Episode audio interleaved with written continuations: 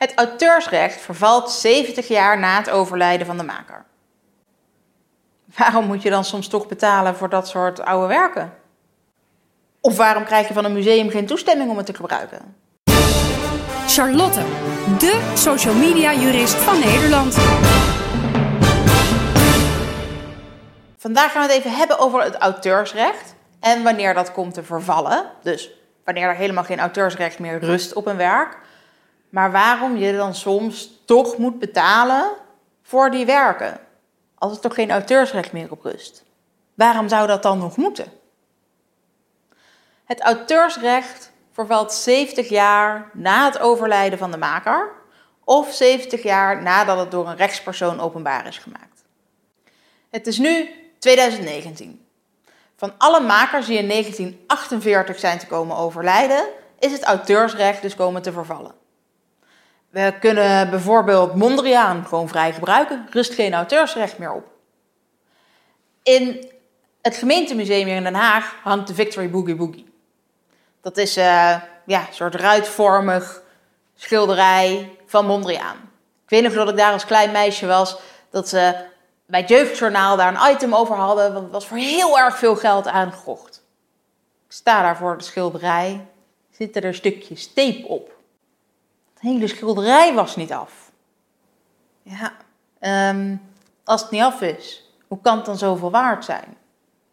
Oké, nu begrijp ik dat wel, maar destijds niet. Het gaat er natuurlijk ook om dat het gewoon een uniek stuk is en helemaal niet of het af is of niet. Sterker nog, van kunst kun je je soms wel afvragen of het überhaupt creatief genoeg is en of er überhaupt wel auteursrecht op zou kunnen rusten. Maar goed, laten we er even vanuit gaan.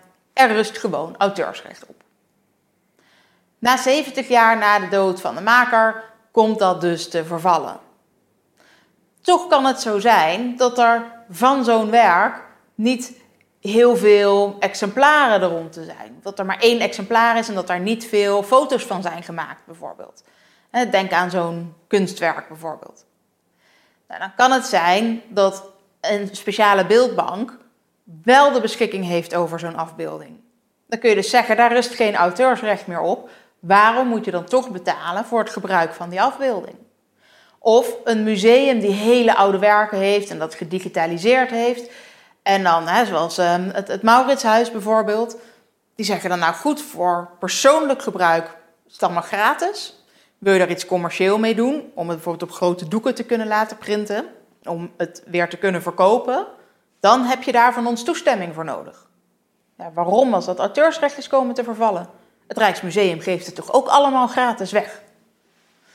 Nou, dat is omdat zij nou eenmaal de unieke positie hebben dat zij de enige zijn die zo'n exemplaar hebben. En je betaalt dus niet meer voor het auteursrecht, maar eigenlijk voor de dienst om het ter beschikking te stellen omdat zij nou eenmaal de enige zijn die het in handen hebben, mogen zij daar geld voor vragen. Dat er geen auteursrecht meer op rust betekent namelijk niet dat zij het opeens vrij zouden moeten geven en het gratis weg zouden moeten geven. Het gaat er alleen maar om dat niemand meer het auteursrecht kan claimen op zo'n werk.